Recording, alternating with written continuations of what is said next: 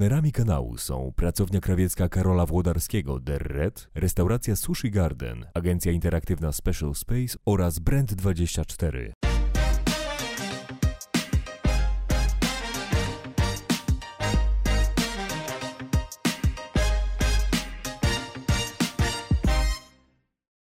To jest jeden z tych wywiadów, gdzie absolutnie ciężko powstrzymać ekscytację i pozytywne emocje, które po prostu aż ze mnie wychodzą z każdej strony.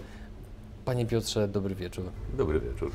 Jest z nami Piotr Borowiec, jeden z najbardziej znanych polskich lektorów, osobiście mój ulubiony i to pod tym się podpiszę e, zawsze i wszędzie. Cieszę się, że znalazł dla nas Pan chwilę czasu, zwłaszcza, że no, godzina 21.25 Warszawa. To i tak wczesna godzina. Naprawdę, okej, dobra. Panie Piotrze, niech nam Pan trochę opowie o historii. Jak to się zaczęło, że został Pan lektorem? Jak ta kariera zawodowa wyglądała? No bo jednak wielu Polaków na pewno Pana kojarzy, natomiast no, y, twarz być może już troszeczkę mniej, no bo jednak to ten głos jest powiedzmy tym dominującym Pana atrybutem. Anegdotycznie to y, y, zdarzyło mi się powiedzieć w ten sposób, że e, skończyłem drugą klasę szkoły podstawowej i byłem już gotowy do uprawiania tego zawodu. Ponieważ wcześniej nauczyłem się czytać i dość sprawnie mi to szło.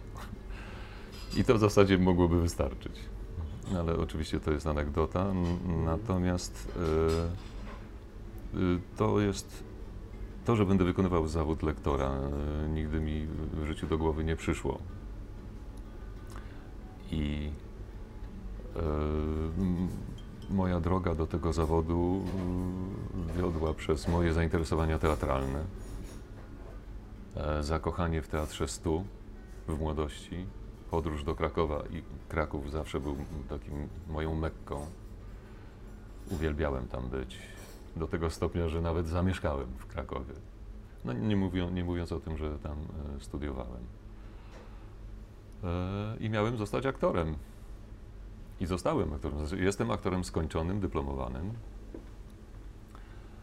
E, Natomiast jakoś tak się ścieżki nasze zawodowe, nasze, bo moja żona też e, no, w tym, samym, w tym samym roku kończyliśmy, znaczy byliśmy na jednym roku na studiach na Wydziale Aktorskim i jakoś tak nasze ścieżki e, zawodowe się mm,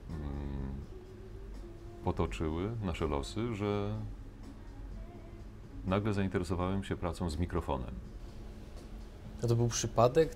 Co to była sytuacja, która spowodowała, że właśnie jakby to był taki powiedzmy punkt przełomowy? To troszeczkę wina moich predyspozycji, to znaczy, że miałem interesującą barwę e, głosu i myślę, że można tak powiedzieć, że mikrofon, tak jak są e, aktorzy, których kamera lubi, tak mikrofon lubi mnie, tak mogę powiedzieć. To bez Z wzajemnością. Mhm. Dobrze się y, czułem przy mikrofonie, ale nie od samego początku oczywiście, bo w szkole teatralnej nie mieliśmy zajęć z mikrofonem, oprócz jednego zdarzenia, kiedy to nasza e, pani profesor e, od dykcji przyniosła na zajęcia magnetofon ZK-144 i powiedziała, a teraz siebie nagrajcie i za pół roku posłuchamy jak brzmieliście? Czy były jakieś postępy? Oczywiście nagraliśmy, zapomnieliśmy, już nie wiem, gdzie są te nagrania, ale to był nasz jedyny y, kontakt z mikrofonem, oprócz zajęć y, z piosenki, gdzie y, oczywiście mikrofon sceniczny e, mieliśmy do dyspozycji. Ale pracy w studiu nie zaznaliśmy na, e, w trakcie y, procesu edukacyjnego. I moje pierwsze spotkania to były studia radiowe, gdzie czytałem chyba powieść. Nie pamiętam tytułu. Nie, chyba Rzeźnie numer 5. Czytałem i opowiadania jakieś w Radiu Zielona Góra, ponieważ tam byliśmy przez chwilę e, w teatrze. Ale wtedy też nie myślałem jeszcze o tym, że zostanę lektorem filmowym. Dopiero gdzieś w Krakowie zrodziła się, kiedy na powrót, bo byliśmy chwilę w Zielonej Górze i wróciliśmy do Krakowa, tam właśnie zamieszkaliśmy na, na dłużej i, i wtedy pamiętam, że chyba jakiegoś Batmana przy okazji świąt Już nie z George'em Clooneyem być może. Jeszcze chyba nie. Jeszcze jego? Jeszcze kariera wtedy, tak, tego, To tego nie pamiętam, przepraszam. Jego kariera jeszcze dopiero była w zapowiedzi, nawet w zapowiedziach jej nie było. Mhm.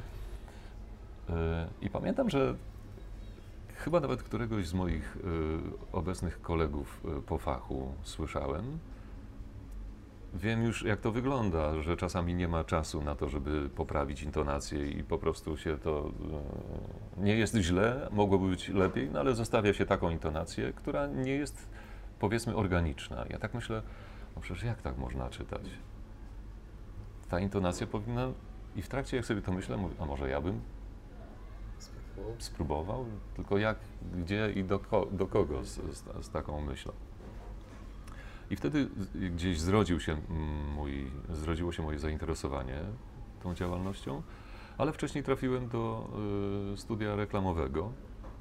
Nazywa się Nieustraszeni Łowcy Dźwięków w Krakowie. Nadal istnieje, rozumiem. tak? Chyba istnieje nadal. Mhm. E, I tam się y, rozpoczęła moja przygoda z reklamą. Ponieważ Kraków mnie nie rozpieszczał e, zawodowo, zacząłem szukać poza Krakowem. A poza Krakowem, no to wiadomo, że największym ośrodkiem, gdzie e, tą postprodukcją zajmuje się na ogromną skalę, no to jest Warszawa.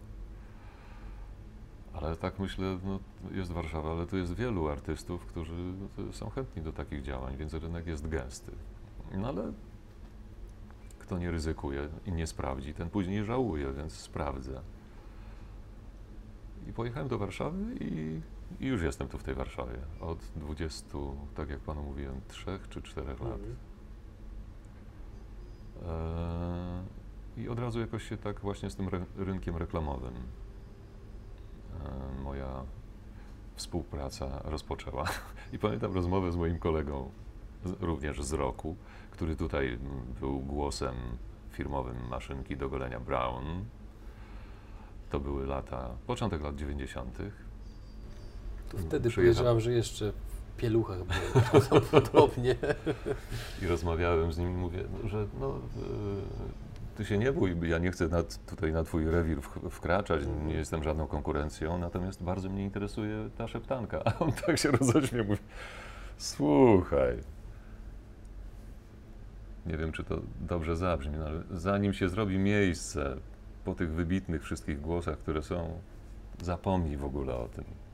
Nie ma szans. A wtedy jeszcze nie było ani kanału Plus, bo, bo się dopiero formowały tam plany. Nie było jeszcze HBO. Była telewizja polska, jedynka, dwójka i Polsat.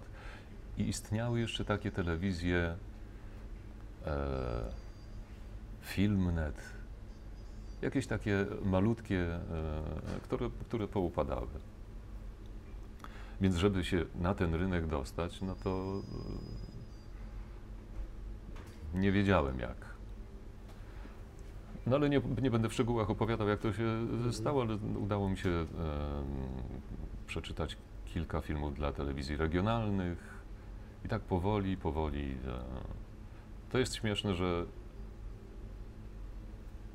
jak się przychodzi z ulicy, to jest, co jest oczywiste, no to e, oczekują, żeby mieć jakieś doświadczenie, co jest niemożliwe. E, natomiast jak już usłyszą, że konkurencja, usłyszą, nieładnie mówię, ale jak ktoś usłyszy e, z tych osób, które zajmują się udźwiękowieniem, że tam już zaistniał i że, mhm, no, że może ciekawie, to wtedy już śmielej Mhm. proponują. Także to się tak stało w przeciągu kilku miesięcy, że, że zacząłem już w miarę e, regularnie, intensywnie e, czytać te filmy. I tutaj pozwolę sobie przerwać i troszeczkę dopytać, bo jednak no, zaczynał Pan w czasach, gdzie no, no, nie, no nie było internetu, tak? Przynajmniej w Polsce i, i Raczkował. no, no właśnie, nie, nie miał Pan jakichś wielkich koneksji i zaczynał Pan de facto w pewien sposób od zera. To co pozwoliło wytrwać w tej powiedzmy wierze i przekonaniu, że e, pasuje Pan do tego świata, że chce Pan to robić? No bo można, na, pewno Pan również zna mnóstwo utalentowanych ludzi, którzy jednak z jakichś powodów nie spełniają się w tej branży, w której by chcieli, bo coś ich powstrzymało. Mhm. Co pozwoliło Panu jednak przeć naprzód, mimo że ludzie mówili, że jest długa kolejka jeszcze. No chyba desperacja, bo nie miałem drogi odwrotu. A Mhm. dwa, takie sygnały zwrotne, że jednak y, to, co robię, to, to jest okej, że istniało coś takiego jak banki głosów y, w studiach reklamowych, gdzie można było się nagrać i y, klient miał szansę wybrać. Oczywiście też jest kwestia, że ktoś ten głos z tego banku głosów musi pokazać, bo wszystkich przecież klient Jasne. nie przysłuchuje, więc, y, więc na tyle miałem nie wiem, czy szczęścia, czy, czy walorów, które zostały docenione, że, że już od początku śmiało pracowałem i w Radiu Z i tam chyba najintensywniej, bo tam e, było e, mocne studio e, reklamowe przy Radiu Z. Jakieś tam nagrywałem pierwsze zapowiedzi, czerwony telefon Radia, Radia Z, czy no, taka oprawa wstępna. Mhm. A z tego to jest troszeczkę tak jest, że taka prawidłowość kuli śnieżnej, że jak się już zacznie toczyć, najgorzej jest właśnie rozbujać to, a jak się zacznie toczyć, to już, e, już owocuje na, Mhm. na różnych polach. I u mnie to tak zaczęło owocować, aczkolwiek z telewizją publiczną to miałem duży y, kłopot, żeby się przebić, bo tam y, strasznie, bo, po pierwsze no, by, byli zacni koledzy, którzy y, obsadzali cały, cały deputat filmowy i nie było takiego zapotrzebowania. Tak się to wtedy nazywało? Deputat. to jest moja Okej. licencja poetyka. Okej. E, e, ale ja dostałem się do, do telewizji dzięki Szekspirowi, ponieważ przez to, że miałem przygotowanie e, aktorskie, też przez moją koleżankę jakoś e, skontaktowałem się z, z panią redaktor, która, e, która opracowywała właśnie e, Szekspira i, i taką szansę dostałem. I pamiętam, że czytałem Henryka V i to było dla mnie fantastyczne przeżycie. Zatem Henrykiem, e, e, to był film reżyserowany przez Kenneta Branaga. Mhm. On później zrobił wiele hałasu o nic, też to czytałem. No, nie powiem, że się specjalizuję w Szekspirze, ale często dostaję do, do czytania y, ekranizacje y, i też takie Mhm. teatralne, filmowe realizacje mm, przedstawień. E, I to mi ogromną przyjemność e, sprawia, czytanie wiersza. Bo to jest jeszcze dodatkowa komplikacja, oprócz tego, że w, wiadomo, że to jest inny, inny język, przekład troszeczkę inaczej biegnie. Dla redaktora to też trzeba zaznaczyć przede wszystkim, e, to jest najważniejsze, że ja nie tłumaczę tych filmów. Mhm. Ja czytam przetłumaczone przez profesjonalnych tłumaczy i później opracowane przez nich samych lub przez redaktorów przygotowane listy dialogowe.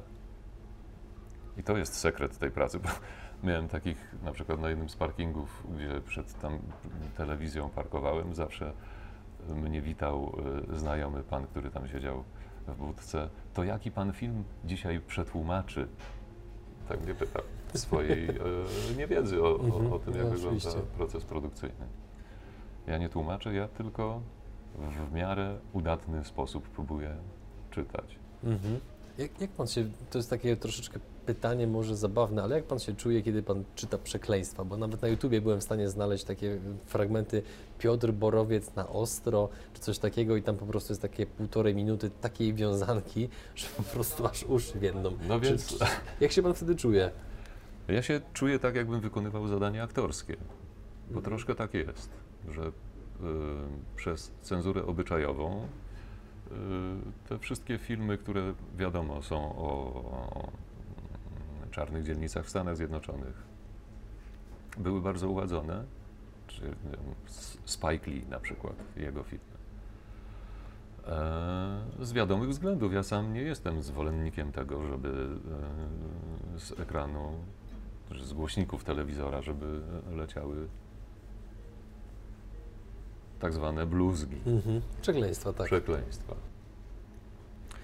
Natomiast y, jak weszły te kodowane telewizje, które, mm, do których niekoniecznie każdy ma dostęp kto chce, a zwłaszcza mam tu na myśli dzieci, których edukacja nie powinna chyba na tym polegać. Już oni sami wystarczająco się edukują w tej dziedzinie. E, No to w telewizji publicznej miałbym z tym kłopot, żeby, żeby sobie na to pozwalać. Natomiast te kanały kodowane, no to już y, ograniczają, y, powiedzmy, w jaki sposób jest y, przeprowadzona selekcja odbiorców. I to, to nie od początku tak było, że można było sobie pozwolić na dużo, ale w tej chwili jest taka tendencja, żeby oddawać to również ten klimat filmów w języku. I jak pan zapytał, jak ja osobiście to traktuję, to traktuję to jako zadanie powiedzmy aktorskie, że to no, przecież nie ja klnę w tym Mhm. filmie, nie ja mówię te, y, nie wypowiadam te słowa, tak jak nie wypowiadam słów miłości, e, wyznań miłosnych, tak, tak i te inwektywy Oczywiście. nie są moje.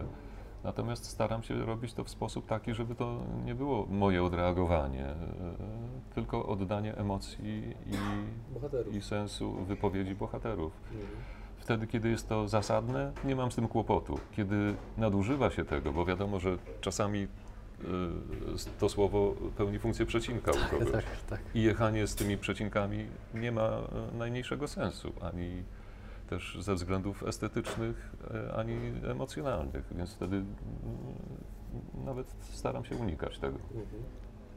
Ale zazwyczaj tłumacze mają dobre wyczucie tej, tej frazy i oczywiście są tacy, którzy potrafią w sposób poetycki to e, napisać. Zdawałoby się to rzecz niemożliwa, a im się to udaje. Ile, ile produkcji, powiedzmy, filmowych, bądź jak, nawet nie wiem, jak to powiedzieć, ile, ile projektów pan przetłumaczył, znaczy przetłumaczył, przepraszam. A widzi pan? No przez pana, tak powiedziałem. Ile, ile już takich projektów pan przeczytał w swoim życiu? Liczy pan to, to już jest w Kiedyś- setkach, tysiącach? Kiedyś na, na dwudziestolecie chyba, mm, czy przy jakiejś okazji rozmowy w RMF e, Classic e, też takie pytanie padło. I, I wtedy nie potrafiłem odpowiedzieć, ale tak sobie z grubsza polici, policzyłem, to to jest na pewno ponad 20 e, tysięcy tytułów e, przeczytanych. To zasadnym chyba jest pytanie po takiej liczbie, które były pana ulubionymi i dlaczego?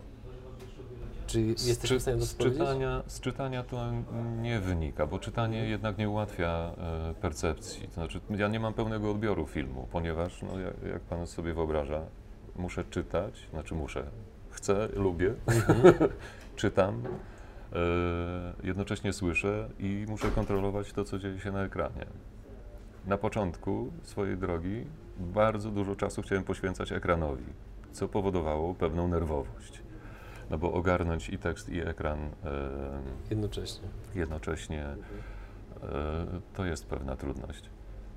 W tej chwili przyjąłem metodę radiową, znaczy od dłuższego czasu, która polega na, głównie na słuchaniu i ewentualnym e, kontrolowaniu e, ekranu, czy zgadza się powiedzmy, że, że, że postaci mówią w tym momencie ta postać, która, która powinna mówić. Czyli, że ja e, w odpowiednim miejscu jestem. Y, I to jest dla mnie dużo wygodniejsze, a jeżeli często współpracuję, najczęściej współpracuję z bardzo dobrymi e, tłumaczami i mam bardzo dobrze przygotowany tekst. To jest w ogóle e, dla lektora 80% e, sukcesu w wykonywanej działalności, że jest dobrze przygotowany, opracowany tekst. Raz, żeby był dobrze literacko napisany, a dwa, dobrze zredagowany, jeżeli chodzi o długość e, kwestii. Bo wiadomo, że język polski ma dłuższą frazę niż język angielski, bo głównie czytamy angielski. Są takie języki, które są porównywalne, nie wiem, e, skandynawskie może, ale mogę się też mylić, gdzie, gdzie ta różnica w- w frazach e, nie jest tak duża, ale z angielskim jest taki kłopot, że trzeba skracać. I jak tłumacz nie pokona w sobie tego oporu przed skracaniem, a jednocześnie, żeby zachować najistotniejsze rzeczy, no to wtedy się robi gorąco. Dosłownie gorąco. Pamiętam takie filmy, gdzie miałem nieopracowane dobrze teksty i wychodziłem zlany potem po półtorej godzinie i już nie nadawałem się do niczego. a miałem jeszcze pięć filmów do przeczytania, powiedzmy. Bo musiał pan zdążyć przydać jakiś fragment, który pasował do, akurat do tej sceny, Bo, tak? jest, bo jest cały Mhm. czas pogoń za, e, za e, Wątkiem, aktor, tak? aktorami, Tak, tak, tak. za aktorami, że on mówi trzy sylaby, a ja w tym czasie pięć. Jak on następne trzy, a ja następne pięć, no to już jestem Mhm. o tam kilka sylab do tyłu. No i to, e, to raz, że powoduje stres, dwa, no, że trzeba się zatrzymywać często, a też jest taki ten mm, cykl produkcyjny tej postprodukcji dźwiękowej, Mhm. że e, nie ma za dużo czasu na, na film. W zasadzie mm, realne trwanie filmu plus jakieś awaryjne 15 minut, powiedzmy, żeby wcześniej przygotować ten film potem. Teraz troszeczkę to się zmieniło, bo weszła technologia cyfrowa. Jak pracowało się na taśmach, to obie technologie mają i wady, i zalety. E, chyba większa niezawodność była taśm, To ciekawe. tak. Bo dostawaliśmy materiał, z którym, no, jeżeli nie wkręciła się taśma w głowicę, no to nic się tam nie mogło wydarzyć i my tylko wgrywaliśmy ścieżkę audio. Natomiast z plikami bywa różnie. Potrafi się komputer wywalić. Zdarzyło mi się tak, że e, musieliśmy czytać tam od niezapisanego miejsca pliku, który nie, e, w- nie robił kopii zapasowej. Ale zdarzyło mi się też tak, że na maszynie graliśmy wtedy na taśmie. Kolega wcisnął przycisk, wydawało mu się, że to był rekord, a to był jakiś inny y, przycisk i szło mu w podglądzie. On słyszał wszystko jak trzeba, a się nic nie nagrało. I 45-minutowy odcinek, bo akurat się tak zdarzyło, że się tam nie pomyliłem w trakcie, poszedł w kosmos. Czy całe szczęście tylko 45 minut?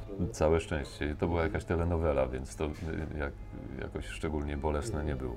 Czy a propos takich właśnie anegdot, to e, jest Pan w stanie jeszcze raz powtórzyć tą historię w kontekście alfabetu mafii? Którą przed wywiadem, o Jak to życie się połączyło. Tak, tak, tak, dokładnie. Nie wiem, czy to gdzieś już nie zabrzmiało, ale y, no w skrócie polega to, polegała sytuacja na tym, że nagrywaliśmy ten serial z kolegą. e, On, kolega dokumentalista, on w tym środowisku robił rozpoznanie i, i, i powstawał ten alfabet mafii. Ja tam e, nagrywałem komentarz. Często robiliśmy to właśnie bardzo późno, już po moich wszystkich nagraniach. Zdarzało się, że musieliśmy tekst, który on dostawał, właśnie redagować jeszcze, bo coś tam nie najlepiej było napisane. No i schodziło nam do drugiej, trzeciej w nocy. I tak to się nieszczęśliwie złożyło, nieszczęśliwie i, i jakoś no właśnie tragikomicznie, że gdy kończyliśmy ten serial, y, doszło do tych wydarzeń w Magdalence y, w 2000 bodajże trzecim, nie wiem czy, czy teraz y, dobrze tę datę pamiętam, roku. No było, było to dawno temu. A ja mieszkam e, właśnie w Magdalence, niedaleko tego miejsca, gdzie e, była ta e, niechlubna, słynna, nieudana akcja policji, gdzie były ofiary śmiertelne. I ja wracając e, z domu, troszeczkę moją uwagę e, zwrócił spokój w okolicy, ale no, to troszeczkę jest na uboczu, w lesie. A też taki dzień był. Można to sobie wytłumaczyć. Można to sobie jakoś tłumaczyć. Przyjechałem do domu, to jeszcze e, rodzina nie spała, nawet dzieci, które były jeszcze małoletnie, ale nie spały, bo tam mnóstwo zajęć, oni późno strasznie wracali, jakiś tele, telewizor był włączony. I ja już nie miałem sił na oglądanie telewizji. No nie, to nie mogła być trzecia w nocy, że moje dzieci nie spały, żeby na to nie wyszło. To się zdarzało, że my tak późno graliśmy, ale tego, tego wieczoru wróciłem przed tymi wydarzeniami, czyli jak to się rozpoczęło około pierwszej, czyli koło północy musiałem być e, w domu. I pożegnałem wszystkich i poszedłem, poszedłem do sypialni na górę. I roz, rozległy się wystrzały, które ja zidentyfikowałem jako fajerwerki, ponieważ to się zdarzało często, że w okolicy jakieś huczne imininy czy urodziny były w ten sposób obchodzone. Miałem nawet odruch taki, żeby, żeby zadzwonić na naszą lokalną, e, do naszej lokalnej komendy policji, żeby poinformować, ale w końcu machnąłem ręką i położyłem się spać. I o godzinie 6 z minutami obudził nas telefon mojego szwagra, który mieszka w Bieszczadach co tam się u was dzieje w tej Magdalence? No i wtedy dopiero do nas dotarło, co się, co się wydarzyło. Kiedy sąsiad wyjeżdżając natknął się na, na ciało nieżyjącego policjanta, który leżał na ulicy Środkowej. Całe osiedle zostało zamknięte i nie mogliśmy się tam do godziny 10 chyba wydostać w ogóle. E, No ponieważ nie, było, nie był znany rezultat tej całej akcji, czy oni e, złapali e, tych bandytów, czy nie złapali, czy oni żyją, czy nie. Ale tak się właśnie e, połączył ten mój dokumentalny serial o przestępcach e, z przestępcami, którzy mieszkali e, no, od, tam od kilku miesięcy chyba, bo moja żona mówi, że widywała ich czasami eleganckich panów na spacerze z psami. Połączyło się fikcja, czy nie, do, dokument, czy film, opracowanie filmowe wydarzeń połączyło się z życiem dla mnie. Ale pojechałem na 12 na nagrania. Bardzo ciekawa historia i to, to, jakie, jak- jakie w ogóle są zbiegi okoliczności w życiu, prawda? To, to niesłychane, Mhm. że tu od, e, jakby od drugiej strony to oglądałem, a tu stałem się Mhm. uczestnikiem wydarzeń. Patrząc z perspektywy czasu na, na, na te wszystkie mm, produkcje, które wyszły spod Pana ręki, to no i na Pana doświadczenie biznesowe, no bo prowadzi Pan, pan de facto firmę. Jakie ma Pan takie powiedzmy wnioski po tych 20 latach działalności? Jakieś takie mm, przemyślenia, czy jakby mógł się Pan na przykład cof- cofnąć w czasie do momentu, kiedy Pan zaczynał, co by Pan sobie powiedział? Piotr, zrób to lub tamto inaczej, albo pamiętaj o tym, albo nie rób tak. Ja chyba nic bym nie zrobił inaczej, że y, nawet ten model pracy właśnie, że, że podjąłem decyzję nakłoniony, czy przedysku, przed, przedyskutowawszy to z żoną, podjęliśmy taką decyzję, że, e, że zakładam firmę. Że to nie, nie, nic bym nie zmieniał.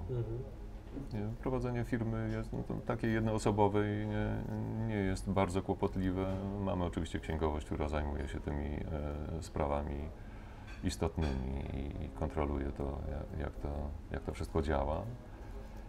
E, no jedynie e, spoczywa na mnie obowiązek wy, wystawiania faktur. To jest chyba raczej rzecz przyjemna, prawda?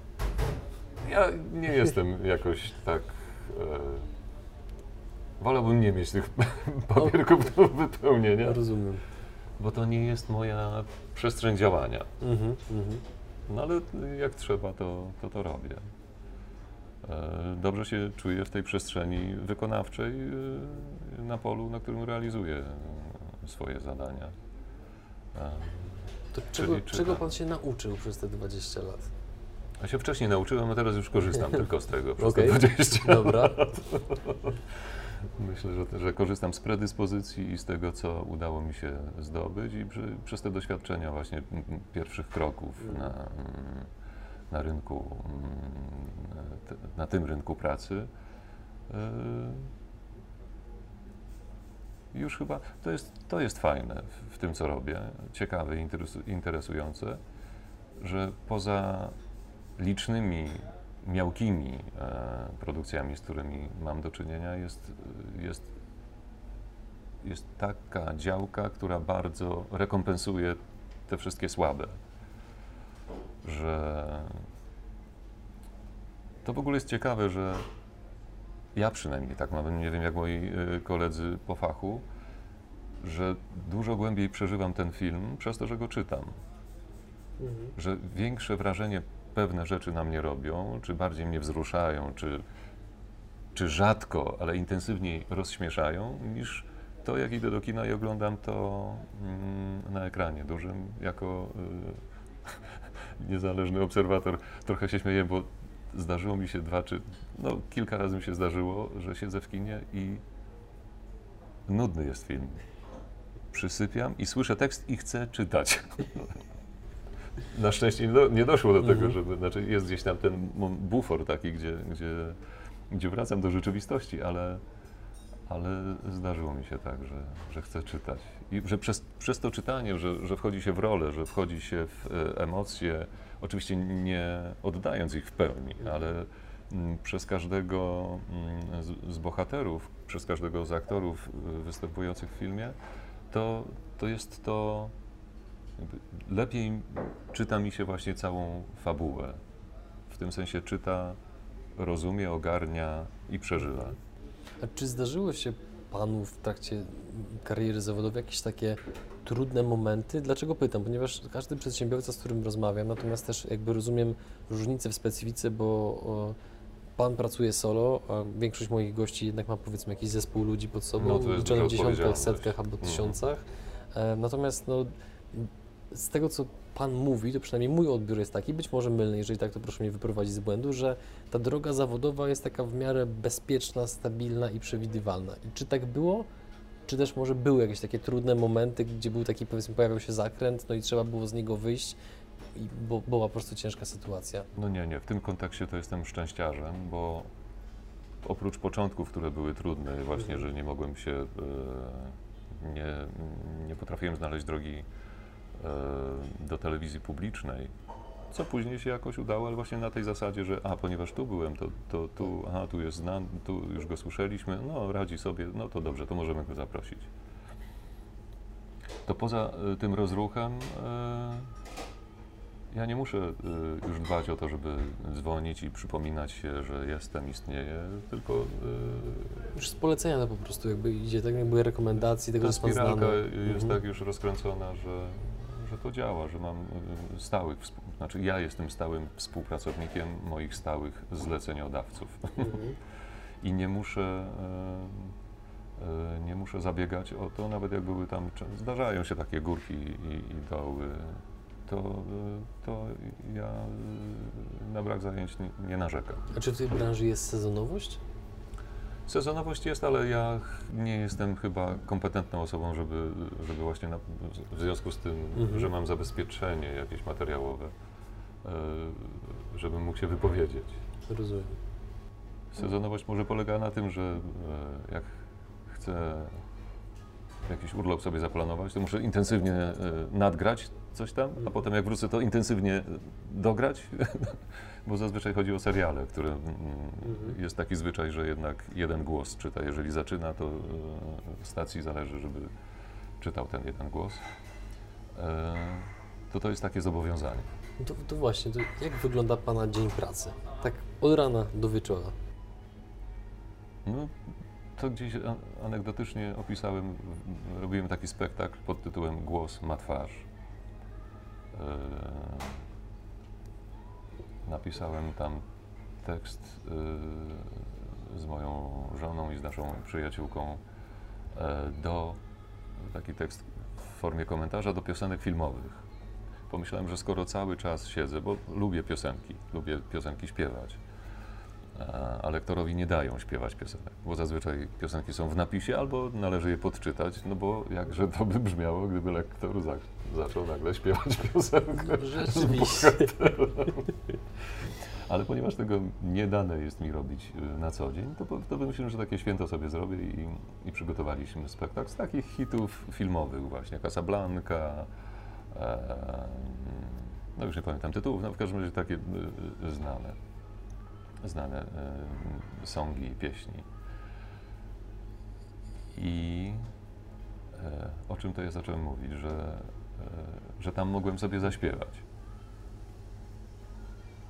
Ale uciekł mi wątek. Zapytałem o to, jak wygląda Pana dzień pracy, żeby właśnie słuchacze, widzowie mogli się dowiedzieć, Aha, i właśnie jak... w tym, a, rozumiem, Tak, tak, tak. już wiem do czego zmierzałem. I tam w jednej sekwencji opisałem 24 godziny z życia lektora. Mhm. I mniej więcej to mm, wygląda w ten sposób, że rano pod prysznicem robię rozg- rozgrzewkę głosową, Jak się robi rozgrzewkę głosową? no i chętnie śpiewam. Mhm. Śpiewam. Teraz coraz chętniej śpiewam swoje piosenki, bo y, z, tej, z tego programu y, obudziła się we mnie dawna pasja i zacząłem pisać y, nowe teksty. E, układam do nich melodyjki, które mm, mój kolega opracowuje, znany, wybitny aranżer i, i kompozytor e, Tomek Filipczak. E, On mi oprawia te pieśni moje i okazuje się, że to są nawet e, fajne, fajne dziełka, tak można powiedzieć. Mało tego, jedna z moich piosenek, był teraz taki ogłoszony na początku roku przez ZASP z okazji stulecia konkurs Piosenka na 100 I moja piosenka znalazła się w złotej dziesiątce. No Więc, a tam było, nie wiem, ponad, ponad tysiąc zgłoszonych tych piosenek, więc, więc taki mnie zaszczyt jeszcze e, spotkał i gdzieś tam jakoś została doceniona ta, ta moja Mhm. piosenka. W każdym razie e, Jest prysznic, Prysznic, rozgrzewka głosu. rozgrzewka, no i samochód. Samochód, który wiezie mnie do jednego studia. Tam mm, zazwyczaj na y, dwa, trzy filmy się zatrzymuję. Przeczytam te trzy filmy, wsiadam w samochód, jadę do drugiego studia. Dwa, trzy filmy już się robi właśnie pora, o której się spotykamy. Mhm. Bo film, e, powiedzmy tam 10 aktów ma, to jest jednostka. Akt to jest 10 minut. Mhm. Czyli 10 aktów to jest e, 100 minut. I tak średnio mają filmy. Oczywiście zdarzają się dłuższe, dwugodzinne, zdarzają się krótsze, tam 70-80 minutowe, ale jako standard przyjmuje się 10 aktów. I tych y, 6, czyli 60 aktów, e, no dziennie zdarza mi się czytać. Tak jest dzień w dzień, Dzień w dzień, w tak, dzień. tak, tak, od tych 20 paru lat. Czy w tej branży przechodzi się na emeryturę? Oczywiście biłem rekordy, Aha. kiedy jeszcze byłem młodszy i, e, i bardziej zdeterminowany, kiedy dzieci jeszcze do szkółki chodziły, bo już teraz wszystkie wyrosły i e, już sobie poszły z domu. Ale wtedy to jeszcze no właśnie większa determinacja była. To po 80-90 aktów mi się zdarzało czytać. Także wstawałem rano o 6, zaczynałem pracę od 8 i wracałem o drugiej, właśnie trzeciej, jak jeszcze dokument się trafił. I zupełnie nie czułem tego.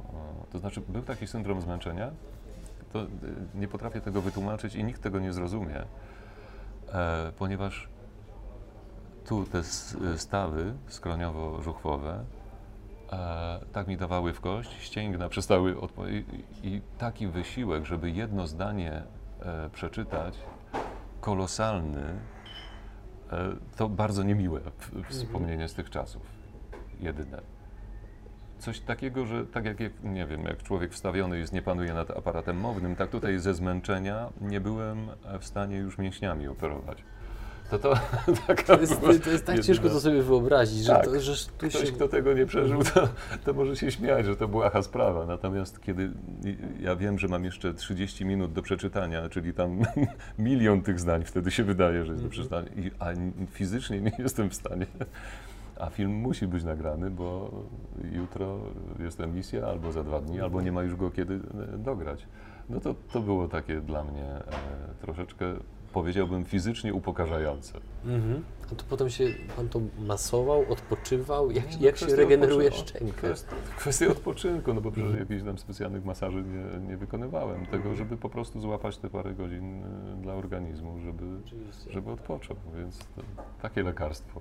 Czy, czy, czy w tym zawodzie przechodzi się na emeryturę? Do, do kiedy się pracuje? Jakby, jak, Póki sił, z tego co widzę po kolegach, Mhm. bo ja y, w tej chwili się nie zdeklaruję, czy będę do emerytury. Oczywiście. Znaczy przede wszystkim nie mam emerytury. Jak sobie ją y, odłożę, to będę miał. Mhm. Więc kiedy sobie ją wyznaczę, wtedy ją będę miał. Mhm. A koledzy y, starsi moi po fachu czytają też dopóki sprawia im to jeszcze frajdę lub dopóki jest taka konieczność, że, że muszą sobie doczytać jeszcze, bo potrzebują do, do kieszonkowego, czy, czy czują, że, jest, że czują się jeszcze potrzebni w tym zawodzie i, i bo to też pewne fizyczne już mm, jakby to powiedzieć, niesprawności y, eliminują powoli kiedy właśnie już się nie nadąża z frazą, czy...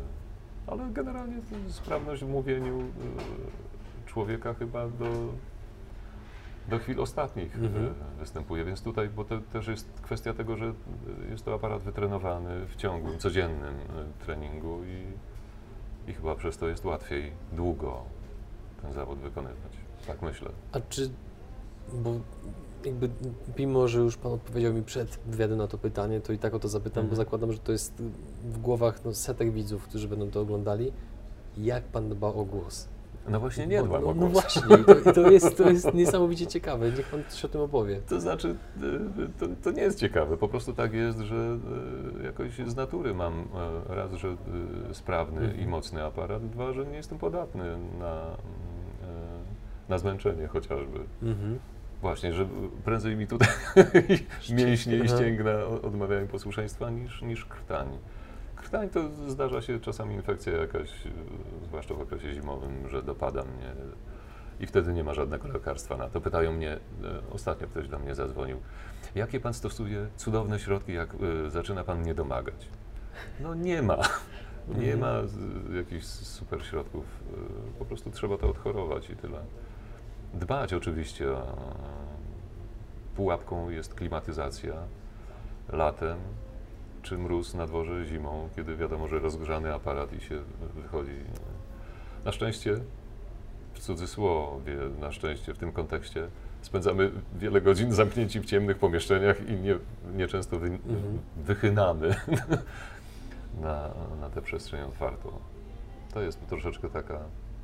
Też się do tego y, y, organizm jest w stanie przystosować, ale wiele godzin, kiedy powinno się być na słońcu i, i światła dziennego zażywać, ja spędzam e, zamknięty w pomieszczeniu. Nie wiem, czy to jakoś nie będzie rzutować na mój organizm za parę lat. No, no, na razie wygląda pan na zdrowego faceta, No, nie? ja też tak się czuję. No właśnie. Ale rzeczywiście wiele godzin spędzamy zamknięci w ciemnych pomieszczeniach. Ja jeszcze lubię, jak jest ciemno, w ogóle ciemno, bo czytam z y, iPada, Mhm. przepraszam, z Palmtopa. no padło już to. Y, czytam z, iPa- z iPada, bo y, bardzo to jest wygodne. Lubię te wynalazki. Jestem gadżeciarzem troszeczkę też. Znaczy bez przesady, ale lubię no, nowe wynalazki, bo jak typu y, bezprzewodowe słuchawki. Sam sobie opracowałem strategię taką, no bo to nie jest proste, żeby te bezprzewodowe słuchawki połączyć jakoś ze źródłem dźwięku, które ja mam puszczone tam z Mhm. komputera, który dwa pomieszczenia dalej stoi. Ale znalazłem taki specjalny transmitter, bo są takie jeszcze produkowane niezbyt powszechne, ale są e, e, tak zwane bluetoothy, które są i odbiornikami, i nadajnikami. I okazało się, że ten patent się sprawdził, że e, ten nadajnik, który podłączam, wysyła mi sygnał do moich ulubionych bezprzewodowych słuchawek. Ciekawe jakiej marki, prawda? Ale No to, prze, Jestem sekciarzem, jeżeli chodzi o sprzęt. Więc jak padło to ja, ja też. iPad, to wiadomo. Tak, to, to wiadomo, to wiadomo, prawda. Są bardzo wygodne, bardzo. Nie ma przede wszystkim tych e, Mhm. kabli, które e, w mojej pracy też e, nie są wygodne, bo są taką smyczą troszeczkę. A to, bo to jest produkt wciąż świeży na polskim rynku mimo wszystko, no bo Mhm. jednak ta, ta cena raczej no, nie jest taka powiedzmy dostępna raczej dla, dla większości Polaków, natomiast y, rozumiem, że Pan zachwala, tak? I pod względem jakości dźwięku, Tak, są bardzo ergonomiczne. Miałem Mhm. też inne takie e, specjalne. Mogę powiedzieć, jakie firmy? proszę Nie wiem, czy Bose się mówi, czy Bose. Mhm. E, W każdym razie te, te słuchawki miały taką fajną, e, ergonomiczną wkładkę do ucha e, i ona bardzo fajnie trzymała. Tylko, że tam był właśnie problem z tym kabelkiem, który e, po, no ja skutecznie używam tych słuchawek, no, kilkanaście godzin dziennie. e, Zwijania, rozwijania, no i tam coś e, rozsypały się. Mhm. A tutaj właśnie w tych y, aplowskich nie ma przewodu, ale nie ma też tych wkładek i one tak są skonstruowane, że się trzymają w każdym uchu tak jak trzeba. Nie Wiem, że w każdym nie wypadają, ale Mhm. nawet jak się w nich biega, to, to zupełnie komfortowe jest. Dobra, to zmieniając temat na współpracę z firmami. Czy się zdarza takie coś Panu? Czy są tylko i wyłącznie filmy, seriale, dokumenty? Czy są jakieś współprace takie powiedzmy komercyjne, że jakaś firma prosi Pana właśnie, że chcieliby Pana No to tak zaczęła się moja współpraca. Reklamy. y, czy, czy to się nazywało? No w każdym razie jak y, Orange nie nazywał się jeszcze Orange, tylko nazywał się Idea. Idea. Idea. Tak, tak. No to całe- to był mój pierwszy numer telefonu w tej sieci. No więc widać całe to oprogramowanie, czyli dwie takie księgi ogromne z komunikatami e, wgrywałem e, sukcesywnie i byłem głosem idei Mhm. e, na początku. Zresztą wybrali mnie z castingu e, na samym początku, jak wchodzili na rynek, na rynek jeszcze nasz. E, Więc tego rodzaju współpraca. Współ, współpracuję z Radiem RMF Classic, gdzie też jestem głosem używanym do oprawy. Mhm. A hipotetycznie, jeżeli ogląda nas teraz przedsiębiorca, który chciałby właśnie, żeby Piotr Borowiec przeczytał cokolwiek tak, dla jego mi firmy, i sekretarki e, obsługiwać. Nie, Aha. nie robię tego zbyt często i, i natrętnie, ale, gdzie trzeba zgłosić, się. żeby z Panem nawiązać współpracę? Gdzie napisać? No nie mam menadżera niestety. I też nie mam za dużo czasu, Mhm. więc taka kwestia jest, że, że nie chcę się rzucać w nurt takich działań pobocznych, które troszeczkę Jasne. mnie odciągają od tej pracy, która i tak na co dzień mnie e, energetycznie wyzyskuje. Mhm. E, po takim dniu pracy jestem to eksploatowany, naprawdę. To, co się wydaje czytać, no, przeczyta jeden film, dwa, czy nawet sześć, no, ale to jest e, też fizyczna praca, nie mówiąc już o godzinach wysiedzianych. Mhm. Właśnie ostatnio też dokonałem modyfikacji, bo już nie mogę siedzieć. E, Bo to zaczyna kręgosłup mi e, Aha. łamać i wymyśliłem, że będę siedział tak jak dubbingowcy siedzą, czyli na takich wysokich stołkach i to bardzo dobrze się sprawdza, bo to też z krążeniem ma, jak już Mhm. rozmawiamy o, Tak. o, o zdrowiu i dbaniu Mhm. o siebie, że to z krążeniem ma dużo, dużo wspólnego i lepiej się właśnie na takim wyższym już e, stołku czuję, także już w studiach mam przygotowane e, specjalnie dla mnie, bo koledzy s- są młodzi w większości, czy tam nie większości, ale Mhm. i, przyzwy- i przyzwyczajeni do, do siedzenia na krześle, a ja sobie siadam, siadam wyżej i mam e, swój pulpit i z tego, mm, z takiej konfiguracji mi się bardzo dobrze korzysta. Mhm. Bo teraz w ogóle jest chyba taki trend w ogóle też w firmach, że coraz częściej pojawiają się stojące biurka, bądź takie, które można regulować, no bo jednak Myślę, właśnie że no, to nie jest głupie, że siedzenie nie jest wskazane dla naszego No kręgosłupa. nie, prawda? nie, nie, to nie, nie robi dobrze. Wiem, bo prześwietliłem go, w innym celu prześwietlałem, a Mhm. wyszło w tym, celu, w tym kontekście, że nie jest najlepiej. Mhm. Zresztą to, to, to odczuwam. Niestety nie mogę biegać, bo to mi się rzuca na kolana. Okej. Ale uwielbiam jazdę na rowerze, w ogóle sport uwielbiam. E, Byłem koszykarzem w swoich latach e, młodości juniorskiej. Mhm. Zastaw Zielona Góra. Nadal wielny kibic? Czy zespół jeszcze istnieje? Oczywiście. Przepraszam, Oczywiście ja, ja moi nie koledzy- zorientowany w ogóle w Moi koszykówce. koledzy y, parę lat z rzędu byli y, mistrzami Polski. Zastaw To satysfakcja musiała Czy być. się jeszcze Zastal nazywał? Wtedy to nie pamiętam, bo tam się y, zmieniał Mhm. właściciel, ale, ale y, tak, grałem z Czesiem Bortnowskim, który tam rządził. Także y, y, sport jak najbardziej. Myślę, że te, te lata na czynnym uprawianiu sportu bardzo dobrze mnie, bardzo dobrze mnie przygotowały do, do takiej charówki, na przykład jak, e, jaką Mhm. nieracjonalnie odbywałem przez długi czas. Teraz próbuję nad tym zapanować, ale też nie jest to łatwe, bo jak wspomniałem wcześniej, e, raz rozkręcona maszyna e, Nic się nie zatrzyma. tak szybciutko się nie Tak. zatrzymuje. Zresztą nie chcę jej zatrzymywać, bo, bo jak już rozmawiamy o, o tym zajęciu, to, e, to daje mi dużo satysfakcji i przyjemności. Mówię, poza tymi Mhm. filmami, które są miałkie i które z bólem e, czytam, no ale czytam. Tak jak nie zawsze aktor dostaje dobrą rol, rolę, nie zawsze może odmówić i, i musi brnąć przez te. Czy zdarza się właśnie Panu odmawiać jakiejś produkcji? Chyba z, ze dwa razy z niesmakiem, e, ale to już naprawdę były niesmaczne jakieś takie filmy, które, e, które zacząłem czytać i, i pomyślałem, że nie do końca chcę się, Mhm. choć ja, wiadomo, że te, ja tam się nie utożsamiam z tym, ale że, że miałem dyskomfort. Myślę sobie, jeżeli mam mieć dyskomfort, to chyba lepiej, żebym ja się nie męczył i widzę, żeby się nie męczył. To, Mhm.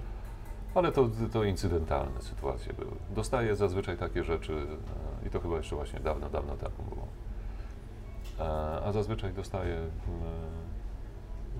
e, takie rzeczy, które dają mi satysfakcję i przyjemność, Mhm. i, czy przynajmniej nie bolą. No i seriale, oczywiście seriale, które, e, z których mam, no wiadomo, Gra o Tron to jest mój e, taki bardzo Mhm. ulubiony i, i sztandarowy serial HBO. Ale jest, są też takie, które gdzieś mi tam, zresztą nie umknęły, bo nie oglądam telewizji, więc mi nie mogły umknąć, ale e, są już od kilku lat m, powiedzmy w emisji i nagle dostaję do czytania po latach taki serial i otwierają mi się oczy, że coś takiego fantastycznego. Taki był e, Mad Men. Nie Mhm. wiem, czy pan widział. Tak, tak, tak. tak. Nagle prosta jakaś historia o biurze reklamowym i, i jego rozwoju. Tam kilka sezonów oczywiście tego jest i, i jakichś tajemnicach oczywiście. No, no wiadomo, że jakaś intryga musi być, ale w taki sposób bardzo gustowny, wierny e, epoce, bo to lata 60., Mhm. 50., 60. E, W dodatku jeszcze o atrakcyjnych rzeczach mówi, bo o tym, jak e, reklama się buduje w Stanach Zjednoczonych, jak, jak to ten proces decyzyjny wygląda, czyli jak próbuję przełożyć to na naszą reklamę i, to w, w, tym kontekście jest ciekawe. E, a do tego ładnie zrobiony i dobrze zagrany. To, to cieszy e, oko, nawet jeżeli cały czas go nie oglądam, tylko Mhm. słucham i, i czytam w tym czasie. Ale to był, to był bardzo, jakoś tak mi zapadł e, w pamięć, ale jest kilka, na przykład Młody Papież. To chyba dwa sezony. Młody Papież. E, Jude Law tam główną rolę gra, taka troszeczkę fikcja, Mhm. e, metafi, meta, metafizyczno-filozoficzna, ale bardzo, e, bardzo ciekawe problemy poruszający współcześnie film. Także są różne ciekawe propozycje wśród seriali, wśród seriali, co kiedyś serial był traktowany raczej tak rozrywkowo i po macoszemu. Właśnie o tym teraz- pomyślałem, no, że, że, że teraz te seriale takie na- nabrały siły i Że- w ogóle... No widać przede wszystkim, że są masa pieniędzy, znaczy, Tak. że, że są dobrze doinwestowane, Bardzo. ale i dobrze pomyślane.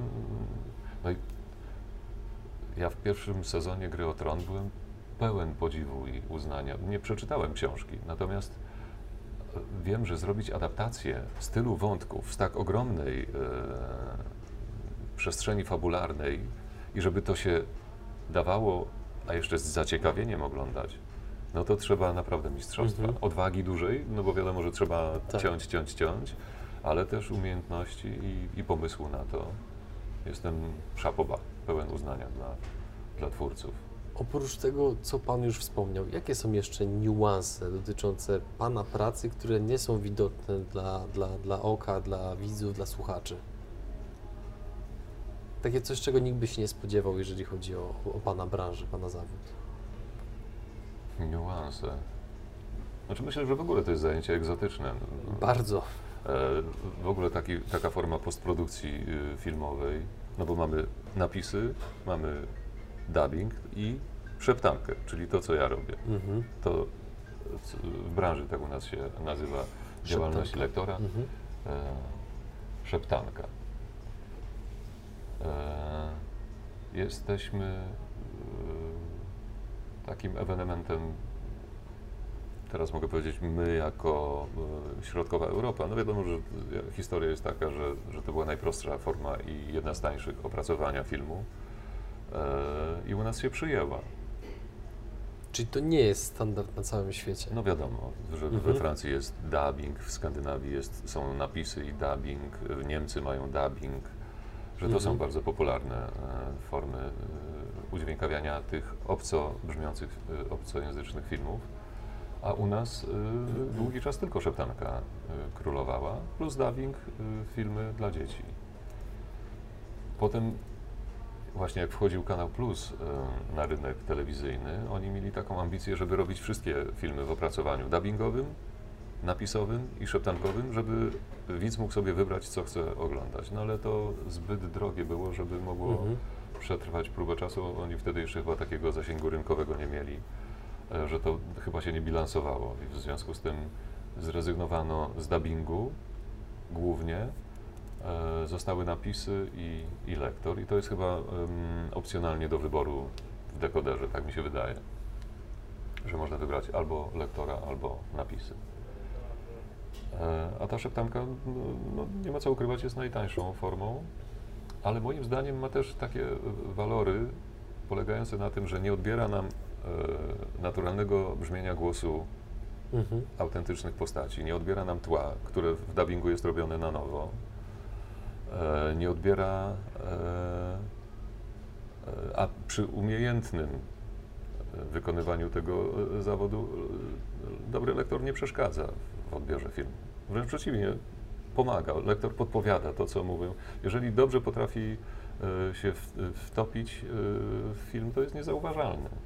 Dla oczywiście osłuchanych już e, odbiorców, no bo wiadomo, że jak przyjeżdżają obcokrajowcy i słuchają naszej telewizji, znaczy filmów w telewizji, to się dziwią, co tam robi ten, ten, ten trzeci facet, który przeszkadza aktorom mówić. Dla nich to jest ciało obce, no bo są na innej tak zwanej metodzie e, Mhm. wychowani. Dla nich dubbing e, jest normalną rzeczą, czy napisy są no- normalną rzeczą. A każda z tych metod jest ułomna oczywiście, e, udźwiękawiania filmów. No bo naj, najsłuszniej byłoby oglądać każdy film w oryginale, do czego myślę niebawem dojdzie, bo jakiś Apple albo jakiś inny producent wykombinuje taki chip, że się, że się go wszczepi bezpośrednio do mózgu i będziemy mieli translację online. Właśnie o to chciałem Pana zapytać, to jest, to jest ciekawe, że jak Pan widzi przyszłość w ogóle swojej branży, bo tak się przez chwilę zastanawiałem, tak na, troszeczkę na poczekaniu to wymyśliłem i tak sobie wyobrażałem, że pewnie to jest technicznie możliwe, żeby w jakiś sposób technologicznie sklonować Pana głos i na przykład, żeby nawet za 100 lat od dzisiaj Piotr Borowiec nadal czytał. To znaczy jestem przeciwko temu, Mhm. ponieważ prawo autorskie mnie nie chroni wykonawcze. To z jednej strony śmieszne, a z drugiej Aha. smutne, ponieważ my czytamy y, filmy, które są wielokrotnie emitowane, a my z tego tytułu nie mamy żadnych korzyści. Ach, a to ciekawe. Ponieważ y, y, toczymy bój y, i nie możemy się przebić przez Ministerstwo Kultury, Mhm. gdzie to żaden z ministrów nie był y, skłonny y, zaakceptować tego faktu, że jesteśmy twórcami.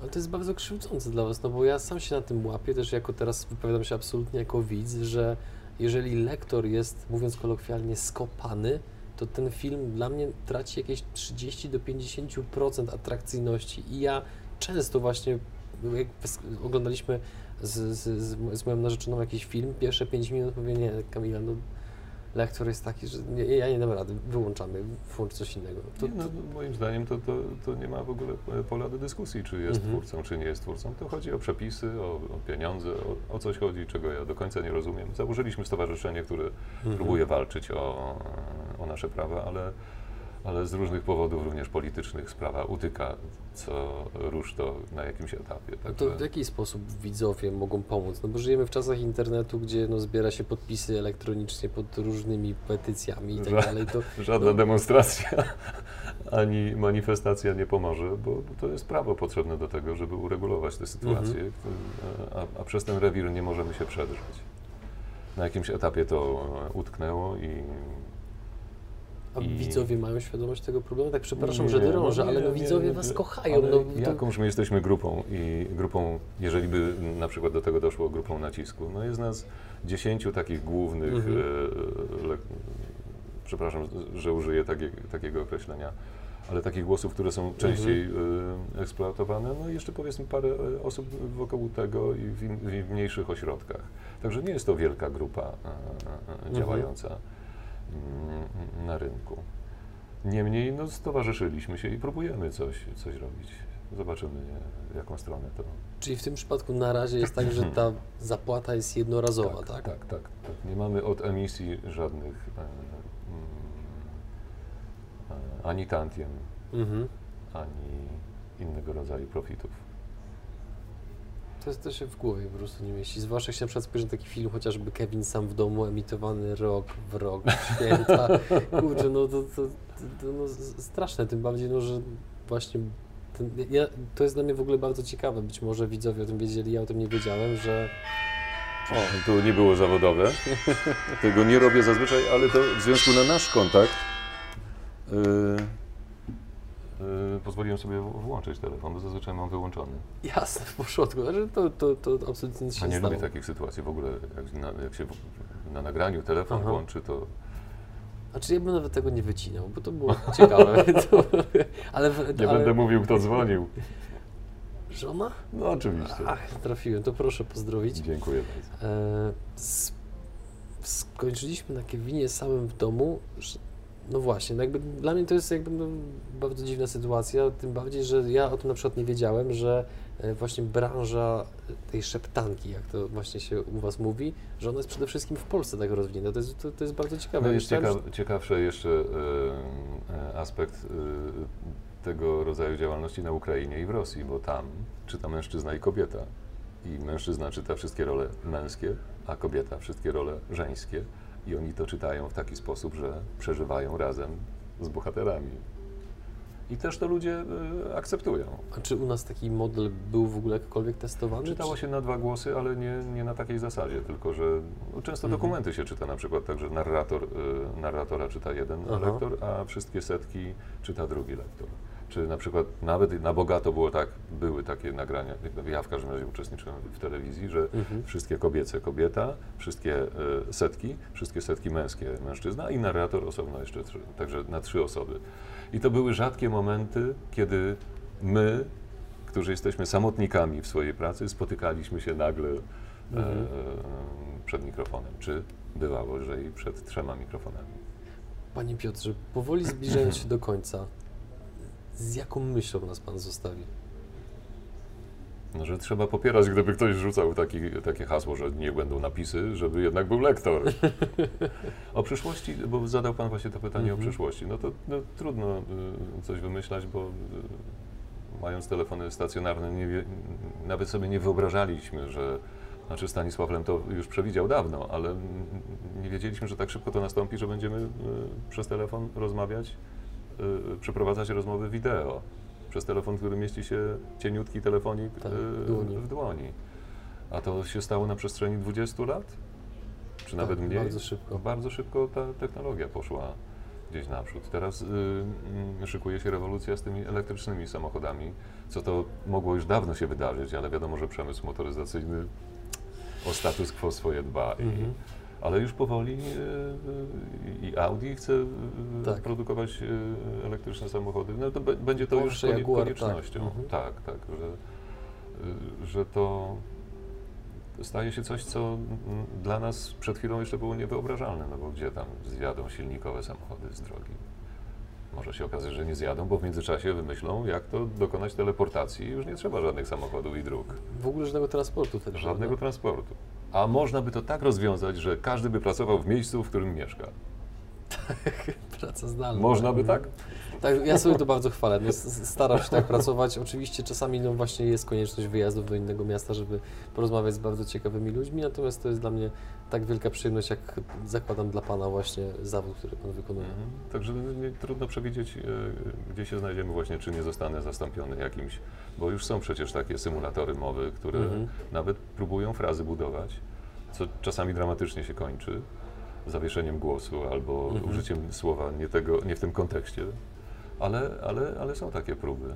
Natomiast czy mnie sklonują, jeżeli y, ja mogę wtedy być spokojny o to, że jestem klonowany, ale również wyposażany za to odpowiednio, no to, to sprzedaję prawa do tego. Oraz Pana dzieci, wnuki, I tak prawnuki. dalej, i tak tak, dalej. to, to byłoby ciekawe Jeżeli w prawnie, jeżeli prawnie by to było uregulowane, to, to proszę bardzo, ja bym sobie wtedy siedział na plaży i śpiewał przy gitarze lub jeździł w trasy koncertowe dla tłumów.